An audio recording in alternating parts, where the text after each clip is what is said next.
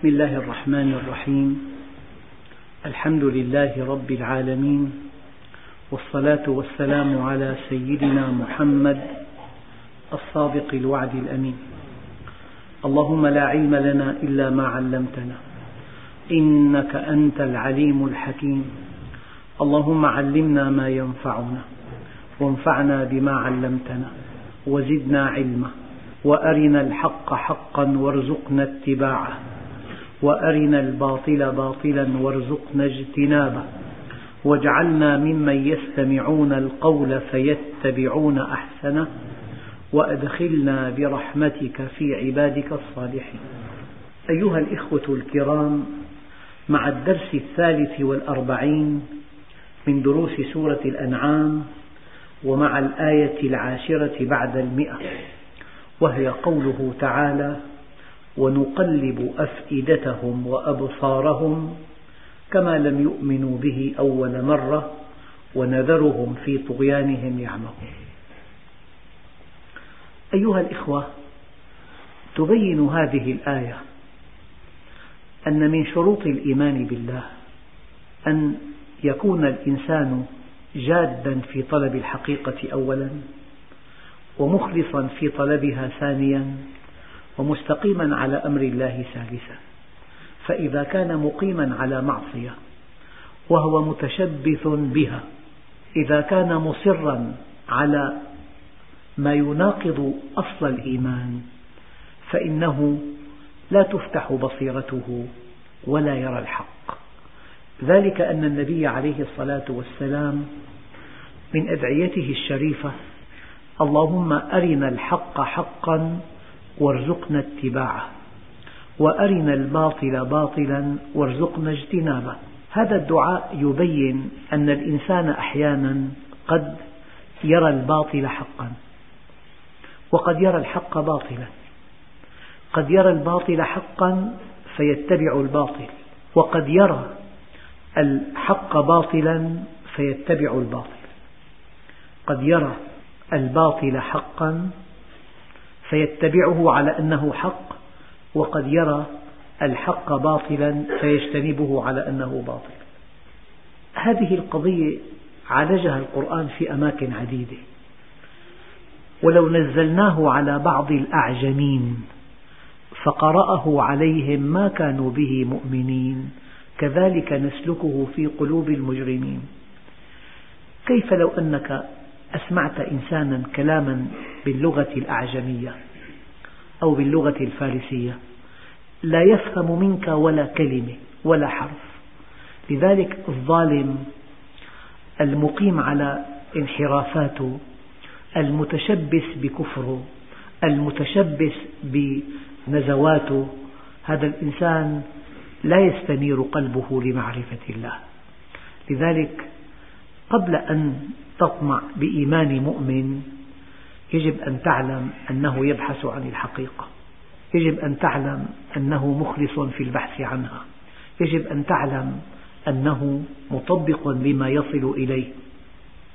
إذا هؤلاء الذين أشركوا والذين عبدوا الأصنام والذين كفروا والذين أقاموا على كل المعاصي والآثام نقلب أفئدتهم وأبصارهم. وقد جاءهم الحق وقد جاءهم الوحي وأمامهم سيد الخلق وحبيب الحق. بكل كمالاته بكل سجاياه بكل خصائصه لا يؤمنون. ونقلب أفئدتهم وأبصارهم كما لم يؤمنوا به. هذا ينقلنا إلى أنك لن تؤمن إلا إذا أردت أن تؤمن. لن تؤمن إلا إذا أردت أن تؤمن. إلا إذا بحثت عن الحقيقة. عندئذ أي شيء يدلك عليها. أما إذا لم تبحث عنها ولم تجشم نفسك عبء البحث عنها ولم تعبأ بها أنت لك مصالح ولك نزوات مقيم عليها فأن ينفتح قلبك للحق أن يطمئن قلبك للحق أن تنشرح للحق هذا أبعد من السماء للأرض. ونقلب أفئدتهم وأبصارهم كما لم يؤمنوا به. قد يقول قائل لماذا ربنا عز وجل لا يفتح أبصارهم ولا يفتح بصائرهم للحق؟ الإنسان حينما جاء إلى الدنيا جاء على أنه مخير.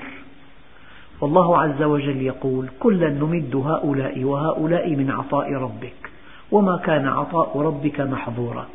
يعني هذه الدنيا هكذا أنت مخير واطلب ما شئت. لكن الله سبحانه وتعالى لا يتعامل بالتمنيات ليس بأمانيكم ولا أماني أهل الكتاب. من يعمل سوءا يجزى به. الله يتعامل مع الصدق. معنى الصدق أنك مصر على معرفة الحقيقة. مخلص في طلبها مستعد أن تلتزم بما تمليه عليك الحقيقة. أنت قدمت شروط الهداية. البحث عن الحقيقة الإخلاص في طلب الحقيقة. أنك مستعد أن تطبق كل ما تمليه عليك الحقيقة. إذا أنت قدمت لله عز وجل شروط الهداية. لذلك القضية بالصدق. إن الصدق يهدي. يهدي إلى الحق. يهدي إلى الخير. يهدي إلى معرفة الله. يجب أن تكون صادقا. هؤلاء آلهتهم شهواتهم وآلهتهم مكانتهم الاجتماعية. والدين عندهم خارج اهتمام. إذا يحاولون أن يستفزوا النبي عليه الصلاة والسلام أو يطالبونه بمعجزات ليست في يد النبي عليه الصلاة والسلام. مرة قيل لرسول الله صلى الله عليه وسلم ألم تخبرنا عن موسى الذي جاء بالعصا وبعيسى الذي أحيا الميت؟ ماذا عندك من معجزات؟ النقطة الدقيقة أن هذا الكون كله معجزة. هذا الكون صارخ في آياته. آياته تدل على الله تدل على أسمائه الحسنى تدل على صفاته الفضلى. كل شيء بين يديك يدلك على الله. فالذي يعمى عن الآيات التي لا تعد ولا تحصى ويطالب النبي عليه الصلاة والسلام وهو بشر. أن يطالبه بخرق لهذه النواميس والعادات. هو لا يبحث عن الحقيقة يتسلى بها. يحاول أن يستفز أن يأتي بشيء يحرج النبي عليه الصلاة والسلام. ونقلب أفئدتهم وأبصارهم. مع أن الدعوة جاءتهم ومع أن القرآن بين أيديهم ومع أن النبي عليه الصلاة والسلام بكل منطقه وكماله ودعوته وفصاحته وبيانه وشمائله بين أيديهم لم ينتفعوا به كما لم يؤمنوا به أول مرة. ونذرهم في طغيانهم يعمهون. المقولة الدقيقة أيها الإخوة أن العبرة في الجامعة لا أن ينجح كل الطلاب. العبرة في الجامعة أن تأتي النتائج مطابقة للمقدمات. فحينما لا ينجح طالب لم يدرس هذا وسام شرف للجامعة. وحينما ينجح المتفوق هذا وسام شرف آخر. فالله عز وجل خلق الإنسان. نصب له هذا الكون الذي يشف عن أسماء الله الحسنى. أنزل على أنبيائه الكتب بعث المرسلين. شيء آخر أفعال الله جل جلاله تنطق بوجوده وبكمالاته فبين آياته الكونية إلى آياته التكوينية إلى آياته القرآنية إلى رسله إلى أنبيائه إلى الدعاة إلى التربية النفسية. الله عز وجل قال إن علينا للهدى. يعني لا تجد وسيلة من وسائل الهدى إلا وسخرها الله للإنسان. فإذا تعامى عن كل هذه الآيات وطلب, وطلب النبي أن تكون الصفات ذهبا صرفا. أو طالب النبي كما قال أن يرقى إلى السماء. أو طالب النبي عليه الصلاة والسلام أن تفجر الأرض له ينابيع. هذا الطلب لو أنه حصل ولم يؤمنوا لاستحقوا الهلاك الفوري. وهذا من سنن الله عز وجل. إذا طلب الأنبياء بمعجزة والأنبياء توسلوا إلى الله أن تكون هذه المعجزة ونزلت ولم يؤمنوا استحقوا الهلاك. فلذلك الله عز وجل بلغ النبي هذه المعجزات سهلة لكن لو أنها نزلت ولم يؤمن قومك استحقوا الهلاك. فالنبي عليه الصلاة والسلام خاف على أمته ولم يقبل أن تأتي المعجزات فتكون سبب هلاك قومه. ونقلب أفئدتهم وأبصارهم كما لم يؤمنوا به أول مرة ونذرهم في طغيانهم يعمهون. يعني الحديث القدسي الصحيح يا عبادي لو أن أولكم وآخركم وإنسكم وجنكم كانوا على أتقى قلب رجل واحد منكم ما زاد في ملكي شيئا. ولو أن أولكم وآخركم وإنسكم وجنكم كانوا على أفجر قلب رجل واحد منكم ما نقص في ملكي شيئا. ولو أن أولكم وآخركم وإنسكم وجنكم وقفوا على صعيد واحد وسألني كل واحد منكم مسألة ما نقص ذلك في ملكي إلا كما ينقص المخيط إذا غمس في مياه البحر. ذلك لأن عطائي كلام وأخذي كلام وأدق ما في الحديث. فمن وجد خيرا فليحمد الله ومن وجد غير ذلك فلا يلومن إلا نفسه. اجعل هذه الفقرة الأخيرة شعارا لك. ومن وجد غير ذلك فلا يلومن إلا نفسك. لا تعتب على الظروف ولا تعتب على أحد ولا تعتب على ما في الأرض من طواغيت. اعتب على نفسك بحيث أنك إذا سرت إلى الله كان كل شيء في خدمتك. إذا كان الله معك فمن عليك وإذا كان عليك فمن معك. يعني أنت حينما تؤمن تحقق مصالحك في الدنيا والآخرة. أنت حينما تؤمن تحقق السعادة التي خلقت من أجلها. القضية واضحة أيها الإخوة. من عمل صالحا فلنفسه ومن أساء فعليها يعني أنت تعيش حياة محدودة. إن أمضيتها في طاعة الله استحق الإنسان جنة الله عز وجل. استحق الأبد. وإن استمتع في سنوات محدودة. ثم جاءه الموت وهو على معصية أو على كفر أو على شرك أو على جريمة يقترفها بحق البشرية. دخل النار إلى أبد الآبدين. أيها الإخوة الكرام من شأن العاقل أنه لا يندم أبدا والذي يندم ليس عاقلا. لذلك قالوا ما كل ذكي بعاقل؟ ما كل ذكي بعاقل قد تحمل أعلى شهادة وقد تتفوق بذكاء لماح ولكن لأن الإنسان ما عرف الله وما عرف سر وجوده ولا غاية وجوده لا يعد عاقلا. قد يكون ذكيا لكن لا يعد عاقلا. المجنون من عصى الله. المجنون من غفل عن أخطر لحظة في حياته. إنها مفارقة الدنيا. هذه النقلة المخيفة من كل شيء إلى لا شيء فيما يبدو. ولا إلى لا شيء إلى كل شيء سلبي. من كل شيء إلى لا شيء فيما يبدو.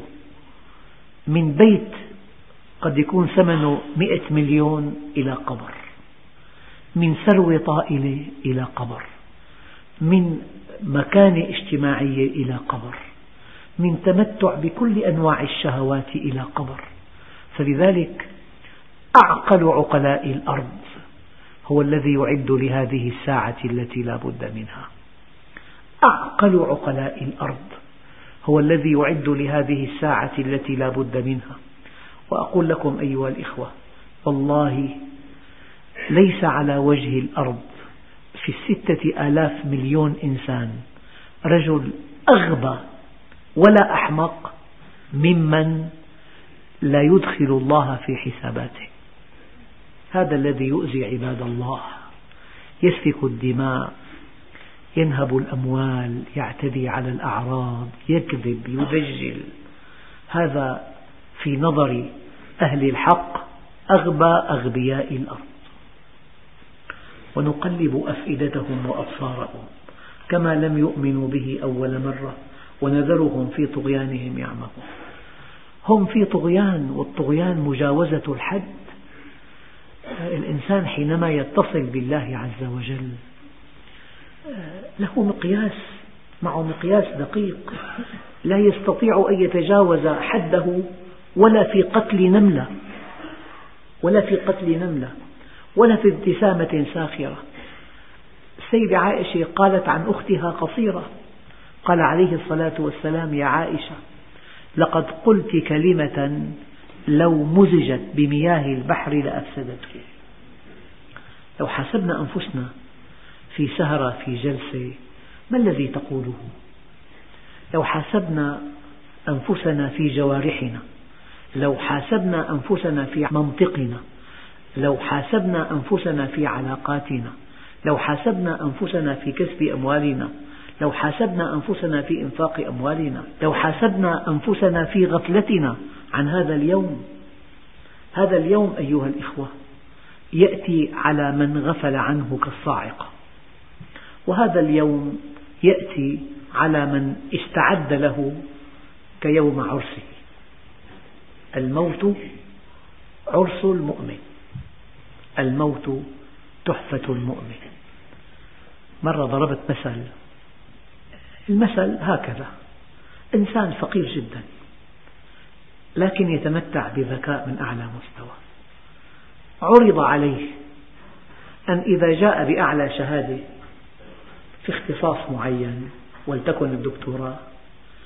سيكون في أعلى منصب في بلده. ولوازم أعلى منصب يكون له بيت فخم جدا ومركبة فارهة. ويتزوج أجمل امرأة بحسب مقاييس العصر. ذهب إلى بلد غربي فقير لا يملك من الدنيا شيئا. اشتغل حارس اشتغل موظف في مطعم يغسل الصحون ويدرس. أمضى ثمانية سنوات من أصعب ما أمضى في حياته دراسة ودوام وتحضير وإتقان لغة وكتابة موضوعات حضور محاضرات وحراسة في الليل وعمل شاق في المطعم إلى أن انتهت الأعوام الثمانية وقد نال الشهادة. وصدقها وقطع تذكرة العودة وتوجه إلى المطار ووصل إلى الطائرة ووضع رجله على سلم الطائرة. أليست هذه اللحظة أسعد أيام حياته؟ هكذا الموت للمؤمن. كل الدنيا في تعب وفي نصب وفي صبر وفي عبادات وفي دعوة وفي صراع بين الحق والباطل وفي أعداء للدين والزوجة مسؤولية وفي مشكلات والأولاد يحتاجون إلى تربية وكسب المال صعب والإنفاق أصعب ومشكلات لا تعد ولا تحصى. تابع حياتنا. ساعة تقلق من أنفلونزا الطيور. ساعة تقلق من تهديدات الأجانب. ساعة تقلق من ارتفاع الدولار. ساعة تقلق من أمراض لا تعد ولا تحصى. هكذا الحياة. هذه الحياة دار التواء لا دار استواء ومنزل ترح لا منزل فرح. فمن عرفها لم يفرح لرخاء ولم يحزن لشقاء قد جعلها الله دار بلوى وجعل الآخرة دار عقبة فجعل بلاء الدنيا لعطاء الآخرة سببا وجعل عطاء الآخرة من بلوى الدنيا عوضا. فيأخذ ليعطي ويبتلي ليجزي. أخواننا الكرام المؤمن متوازن المؤمن يعاني في الدنيا ما يعاني. وقد تكون معاناته أشد أنه الجاهل ذو العقل يشقى في النعيم بعقله وأخو الجهالة في الشقاوة ينعم أنا بضرب مثل يعني طالب يشكو لقريبه صعوبة المدرسة وشدة المعلم وكثرة الوظائف وأبوه قاسي جدا وأبوه يطمح أن يكون الأول على زملائه والمعلم لا يرحم والكتب صعبة جدا ومكلف بأعمال في البيت يشكو لصديقه أو لقريبه متاعبه التي لا تنتهي. هذا الشاب مرشح يكون بأعلى مكانة في المجتمع. له أب كبير وعالم وتربوي. يهيئ له مستقبل مشرق لكن الطريق صعب والدراسة صعبة فشكى إلى قريب له. لا يقرأ ولا يكتب. أمي. استيقظ الظهر. يمضي الوقت في اللعب. في لعب النرد. يسهر لساعة. لساعة متأخرة. لا بيصلي ولا بيصوم. ومن أولاد الأزقة. قال له أنا ما عندي ولا مشكلة. فعلا ما عنده مشكلة ثانية هو مشكلة. أنت لما بتمشي بطريق الإيمان في عندك متاعب كبيرة جدا. بس هي متاعب مقدسة. متاعب تزكية النفس متاعب معرفة الحق متاعب الالتزام بالشرع متاعب السعي للآخرة متاعب أن يكون إيمانك قويا متاعب أن تزكو نفسك. لا تحقد لا تتكبر. تزكية النفس أعظم عمل في الأرض. الدليل ثلاث آيات أو أربع آيات بالقرآن كله. قد أفلح من تزكى وذكر اسم ربه فصلى. هذا الفلاح. فأنت لما بتكون بمقياس القرآن فالح وناجح وموفق ومتفوق هي السعادة الحقيقية. لذلك أيها الإخوة أهل الأرض لهم مقاييس. والله عز وجل في قرآنه مقاييس. بطولتك أن تكون ناجحا لا في مقاييس أهل الأرض بل في مقاييس القرآن الكريم. مقاييس أهل الأرض المال يرفع صاحبه إلى أعلى عليين عند أهل الدنيا. يعني الغني محترم جدا قد يكون مرتكب كل المعاصي والآثام لكن محترم. الناس يهابونه والقوي محترم جدا لكن عند الله المستقيم هو الذي يرقى عند الله. المستقيم الصادق المخلص. العابد الطائع فأنت انظر أنت متفوق على مقاييس من؟ طبعا إذا المقياس هو المال. الأولون في هذا المقياس تجار المخدرات لأنها أربح تجارة في الأرض. من مكان زراعة المخدرات لمكان بيعها في تقريبا ألفين ضعف ألفين ضعف. من مكان الزراعة إلى مكان البيع. فلذلك أيها الإخوة قضايا العقيدة تحتاج إلى تأمل. الإنسان لا يمشي هكذا بلا تبصر. الله عز وجل قال فأين تذهبون؟ إلى أين أنت سائر؟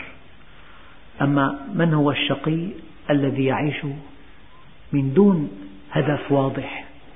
ومرة تلو مرة أؤكد هذه الحقيقة. ثلاثة بالمية من بني البشر لهم أهداف واضحة.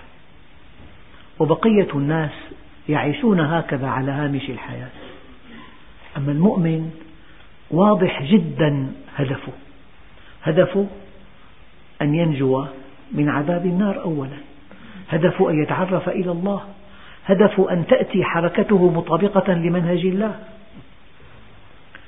هذا كله أيها الإخوة حول هؤلاء الشاردين الذين يستفزون الأنبياء يطلبون المعجزات وهم مقيمون على شهواتهم وانحرافاتهم ونزواتهم. ومهما بحثوا وقلبوا القرآن ليس في صالحهم. ونقلب أفئدتهم وأبصارهم كما لم يؤمنوا به أول مرة ونذرهم في طغيانهم يعمهون. الآن ولو أننا نزلنا إليهم الملائكة لو رأى الناس الملائكة بأعينهم وكلمهم الموتى استيقظ ميت من قبره وقال ما الذي رآه بعد الموت؟ وحشرنا عليهم كل شيء قبلا. قال ما كانوا ليؤمنوا إلا أن يشاء الله. هذه المشيئة ليست مشيئة جبر لكنها مشيئة قانون. يعني أنت ممكن تطبع بطاقة تكتب الطبيب فلان وبتحمل بورد. ممكن تستأجر بيت وتجعله عيادة لكن لا تستطيع أن تنال الشهادة إلا إذا دخلت إلى الجامعة. قد تفعل تزويرا كل شيء وأمامك محاسبة شديدة جدا. أما أن تكون طبيبا حقا لا بد من أن تنتسب إلى كلية الطب يعني الله رسم للهدى طريق. ولو أننا نزلنا إليهم الملائكة وكلمهم الموتى وحشرنا عليهم كل شيء قبلا ما كانوا ليؤمنوا إلا أن يشاء الله إلا إذا سلكوا الطريقة التي رسمها الله للهداية.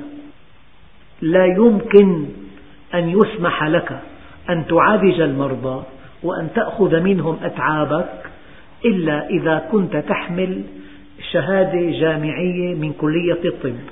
هذا هو الطريق الوحيد.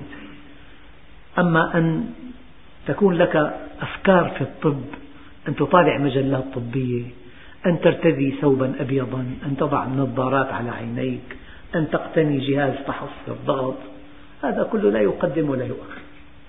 ما لم تلتحق بكلية الطب لا يمكن أن تكون طبيبا يعني للتقريب فقط. الله رسم للهدى طريق. فما لم تسلك هذا الطريق لا يمكن أن تهتدي. أمرك أن تتفكر في خلق السماوات والأرض.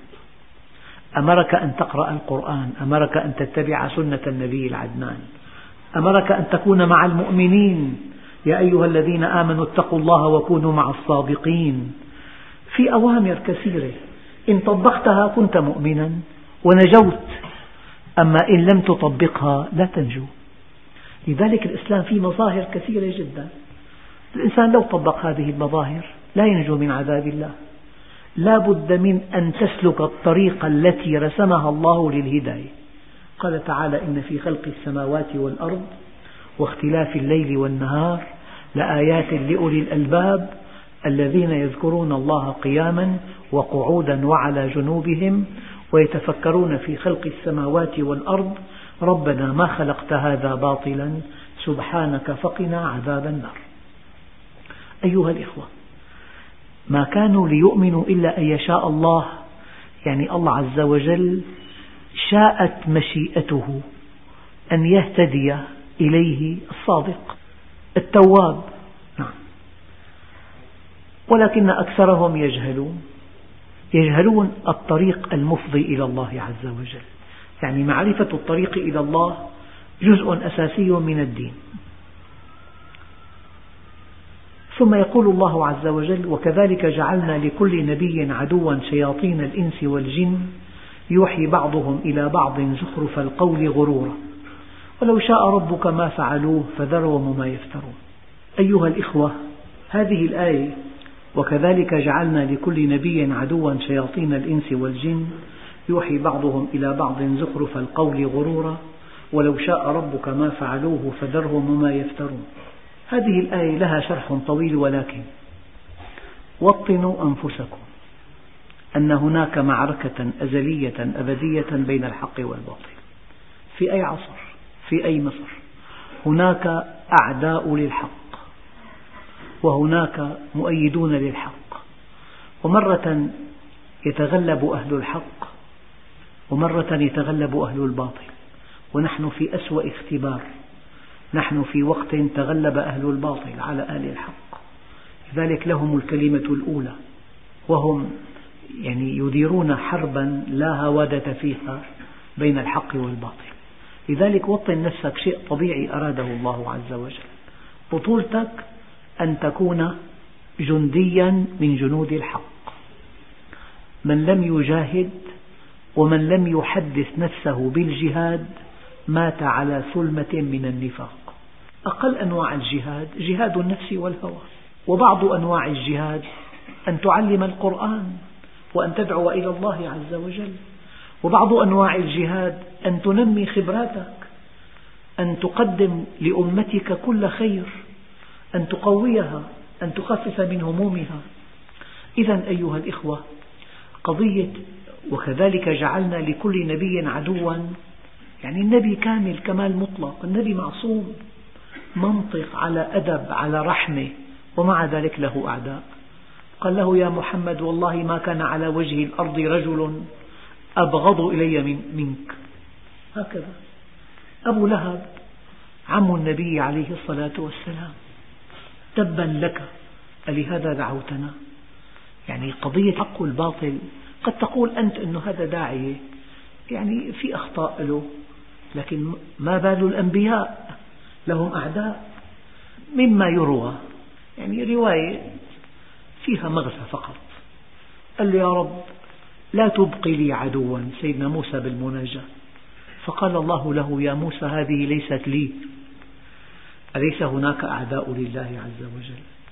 إذا وكذلك جعلنا لكل نبي عدوا. شياطين الإنس والجن. وشيطان الإنس مقدم على شيطان الجن. وكذلك جعلنا لكل نبي عدوا شياطين الإنس والجن. إذا القرآن الكريم يثبت للكفار أن من مكرهم ما يزيل الجبال. قرآن ومكروا مكرهم وعند الله مكرهم وإن كان مكرهم لتزول منه الجبال. يحدثني أخ قال لي كل خبر تسمعه لا تحتمله.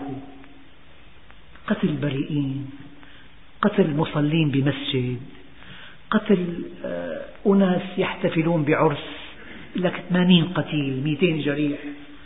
قال لي اعلم علم اليقين أن هذا من فعل اليهود.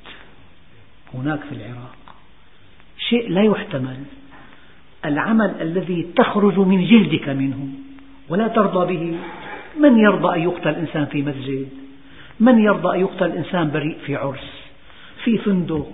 في أنفاق؟ من يرضى؟ من يرضى أن يقتل بريء؟ ويلصق هذا بالمسلمين حتى أصبحوا مجرمين. قتلة جهلة متخلفين أيها الإخوة. يعني الفتن الآن أقبلت الفتن كقطع الليل المظلم. يمسي الرجل مؤمنا ويصبح كافرا. يصبح كافرا مؤمنا ويمسي كافرا. يبيع دينه بعرض من الدنيا قليل. يعني أكثر ما تسمعون أنه هي السيارة مفخخة. يكون السائق ما له علاقة. كلف أن يصل لهذا المكان. وضعت فيها عبوة ناسفة في وراء من يوقت تفجيرها. أنت ماذا ترى؟ ترى سيارة انفجرت قتلت 30 شخص. وقد يكون راكب السيارة ما له علاقة بالموضوع إطلاقا وهو بريء. ومكروا مكرهم وعند الله مكرهم. وإن كان مكرهم لتزول منه الجبال. فلا تحسبن الله مخلف وعده رسله إن الله عزيز ذو انتقام. يعني المسلم مستحيل أن يقتل إنسان ما له علاقة بالموضوع. مستحيل أن يقترف جريمة من هذه الجرائم. لكن الآن كل أنواع الجرائم ألصقت بالمسلمين. ومع ذلك الدين الأول في النمو هو الدين الإسلامي.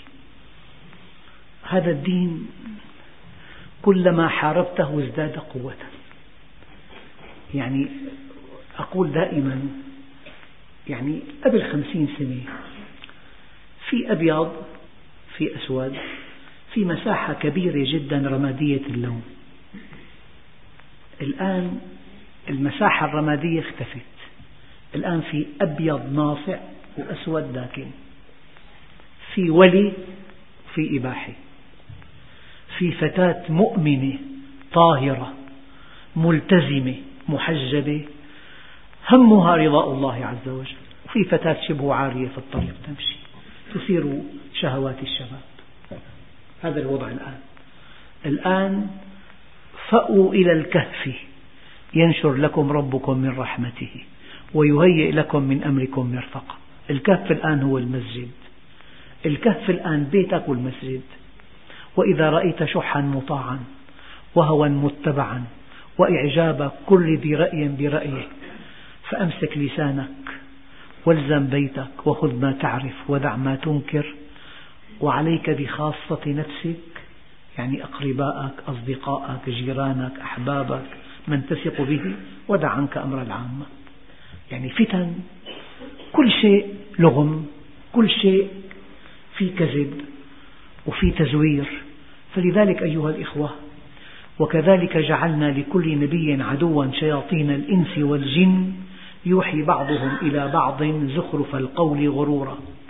ولو شاء ربك ما فعلوه فذرهم وما يفترون ولتصغى إليه أفئدة الذين لا يؤمنون بالآخرة وليرضوه وليقترفوا ما هم مقترفون.